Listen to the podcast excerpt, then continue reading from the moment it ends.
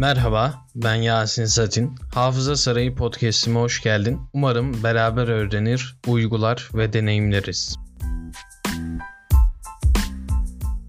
Merhaba, Hafıza Sarayı'nın ilk podcastine hoş geldin. İlk başta tüm bu seri boyunca kullanacağım temel kitapları söylemek istiyorum. Bu kitap listesini dinlediğiniz platformların açıklama kısımlarından veya web sitemde bulabilirsiniz. İlk kitap beni hafıza tekniklerini ısındıran kitap olan Tony Buzan'ın Hafızana Hükmet kitabı. İkinci olarak 2009'un en iyi bilim kitabı olan Beyin Nasıl Okur. Bu kitap tamamen hafıza teknikleri üzerine olmasa da yararlandığım kitaplar arasında. Üçüncü kitap Hafıza Sarayı Adam Brown'dan Dördüncü kitap Ron White'ın Hafıza Geliştirme Teknikleri. Beşinci kitap Nelson Dallas'ın Hatırla kitabı.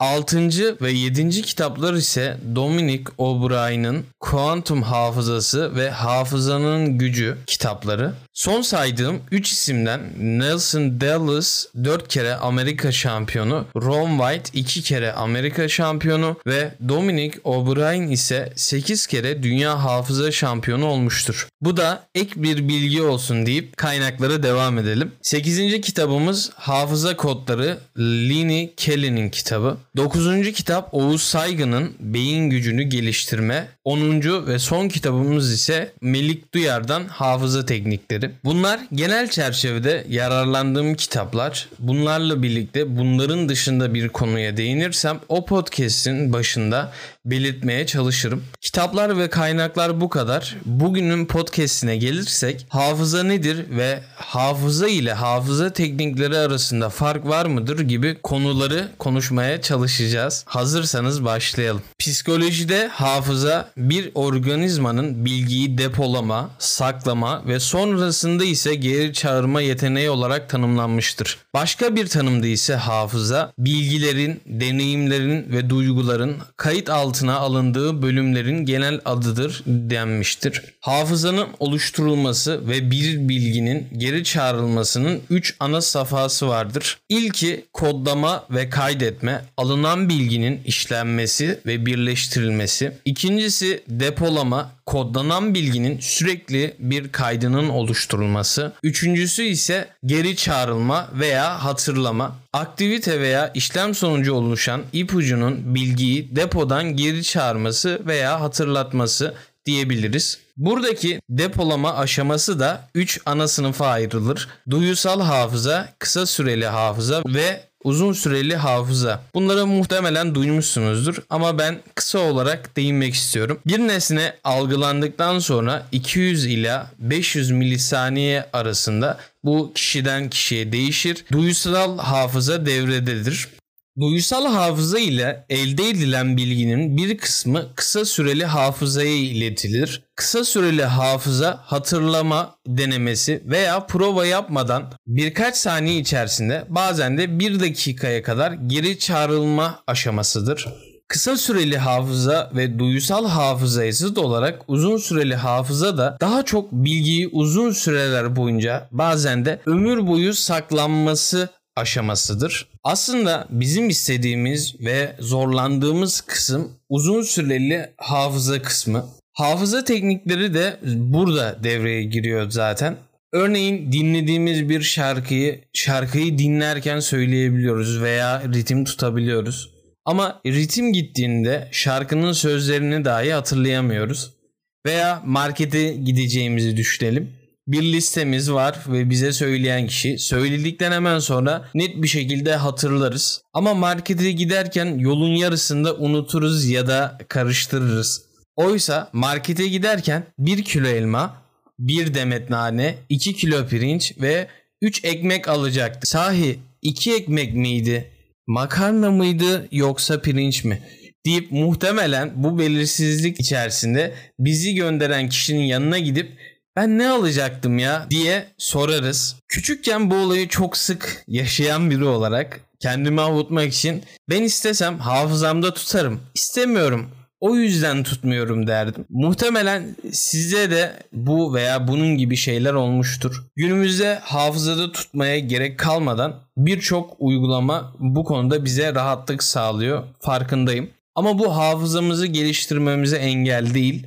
Şimdilik hafızanın çoklu zeka kuramı kısmına yani uzamsal, sözel, mantıksal, matematiksel, müziksel, içsel, doğasal ve varoluşsal kısımlarına değinmek istemiyorum. Zaten ilerleyen podcastlerde değinmeye çalışacağım. Kısaca hafızanın ne demek olduğuna baktık. Şimdi de hafıza tekniklerinin ne olduğuna bakmaya çalışalım. Hafıza teknikleri gelecekteki eylemi etkilemek amacıyla zaman içinde bilgi işlemenin tutulmasını kolaylaştıran stratejilerdir veya okunarak ya da fiziksel aktivitelerle sunulan şeylerin akılda daha fazla kalıcı olmasını sağlayan ve her iki şekilde de yapılan şeylerin öğrenilmesine imkan veren özel tekniklerdir. Hafıza ve hafıza tekniklerinin temellerinde ise 3 temel ilkenin olduğu keşfedilmiştir. 3 temel ilke ise Yunanlar tarafından iç gözlem, tartışma ve bilgi alışverişleri sonucunda hafızanın büyük bir bölümünün maddeleri birbirlerine bağlama yoluyla çalışan çağrışım üzerine kurulduğunu keşfetmişler. Mesela zihnimizden elma kelimesini geçirdiğinizi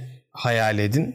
O anda beyniniz bu meyvenin rengini, tadını, kokusunu, dokusunu ve onunla alakalı deneyimlerini hatırlayacaktır. Yunanlar aynı zamanda bir şeyin hatırlanabilmesi için duyulara hitap eden bir imajının olması gerektiğini de keşfettiler. Burada imajdan kastedilen zihnimizde bıraktığı anlayış ve izlenimlerdir.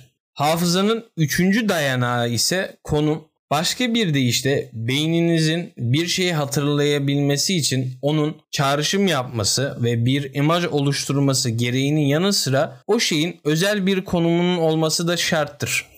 Bunu bir kütüphaneye benzetebiliriz. İçinde 1 milyon kitap bulunan bir kütüphaneye girip belirli bir kitabı bulmak istiyorsak yerde üst üste dizilmiş yığınların arasından rastgele seçmek mi daha kolayımıza gelir yoksa güzel ve zarif bir şekilde düzenlenmiş kitaplıklar arasından bulmak Tabii ki düzenli kitaplıklardan bulmak daha rahatımıza gelecektir. Üç temel ilke ilerleyen zamanlarda hafıza tekniklerini öğrenmeye başladığımızda bize yardımcı olacak. Artık 3 ana ilkeyi öğrenmiş olduk. Şimdi de hafıza ve hafıza teknikleri arasındaki farklara değinmeye çalışalım. Temel olarak hafızayı eğer bir engeliniz yoksa bir insanın iki kulağı, iki bacağı, iki eli ve iki gözü olmasına benzetebiliriz. Tabi burada organlarımızın eşit sayıda olması bu organlarımızın nitelikleri hakkında bize bilgi vermiyor. Ne diyorsun derseniz de mesela 3 kişinin 3'ünün de 2 bacağı vardır ama bacağının boyları eşit değildir. Veya hepsinin iki gözü vardır ama biri mavi gözü, biri yeşil gözü, biri kahverengi göz rengine sahiptir. Buradaki nitelikler gibi hafıza da her insanda temel olarak aynı ama zamanla, okumayla, görmeyle, deneyimle bu nitelikler değişebiliyor. Belki bedensel tercihlerimize biz karar vermiyoruz ama hafızamızın gelişmesi tamamen bizim elimizde. Kısaca hafızayı bir insanın uzuvlarına zeka seviyesinde uzuvların sahip olduğu niteliklere benzetebiliriz. Peki hafıza teknikleri ne derseniz de onu da bu örnek bağlamında düşüncelerimize benzetebiliriz.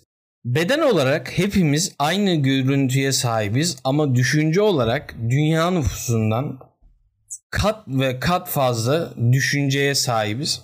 Hafıza teknikleri de böyle bir şey. Bunu ilk anladığım zaman da çok garipsemekle beraber bir güç olarak görmüştüm. Düşünsenize bir teknik oluşturuyorsunuz ve o teknik dünyada birçok insana birçok konuda farkındalık sağlayıp hayatını kolaylaştırıyor. Muazzam bir şey.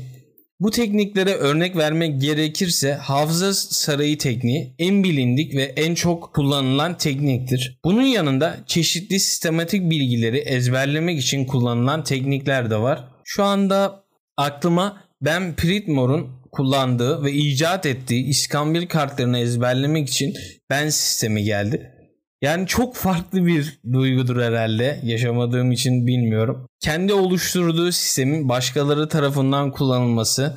Şu anda şöyle bir soru gelebilir akıllarınıza. O zaman ben tamamen sıfırdan kendi hafıza teknikleri sistemimi kuracağım. Olabilir bu imkansız değil ama bu hem çok uzun olmakla beraber oluşturduğunuz tekniklerin sonucu sizi tatmin etmeyebilir. Bence mantıklı olan var olan hafıza teknikleri sistemlerini öğrenip temel attıktan sonra değiştirip bir sistem kurmak olduğunu düşünüyorum. Tabi deneyebilirsiniz bunu yapmakla özgürsünüz. Burada ben Pritmore'un sistemini örnek verme sebebim kendisi bu sistemle 3 kere dünya hafıza şampiyonu olmuştur. Sizin kurduğunuz sistemin size şampiyonluk getirip getirmeyeceğini bilemiyorum ama yapmanız için bir engel yok. İstersen deneyebilirsin. Ben de kullandığım birçok sistemde birçok değişiklik yaptım. Zaten hafıza tekniklerini insanın düşüncelerine benzetmiştik hatırlarsanız. O yüzden hiçbiri birebir olarak size uymayacak. Bazen öğrendiğiniz tekniği başka bir teknikle birleştirmeye, bazen kırpmaya ihtiyacınız olacak. Bunu da ancak siz bilebilirsiniz. Bilmek için de başlamak şart.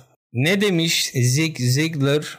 Başlamak için mükemmel olmak zorunda değilsin fakat mükemmel olmak için başlamak zorundasın. Evet, bugünlük podcast'in bilgi kısmı bu kadar. Son kısımlarına gelmişken bu hafta ne yaptığımdan bahsetmek istiyorum. Bu hafta final haftam olduğu için okula, sınavlara pek çalışmasam da onun psikolojisiyle yani bir bahane bulup birkaç gün antrenman yapmadan geçirdim. Gelecek hafta sıkı bir dönüş yapmak istiyorum. Bakalım nasıl olacak. Bir sonraki podcast'te görüşmek üzere. Kalın sağlıcakla.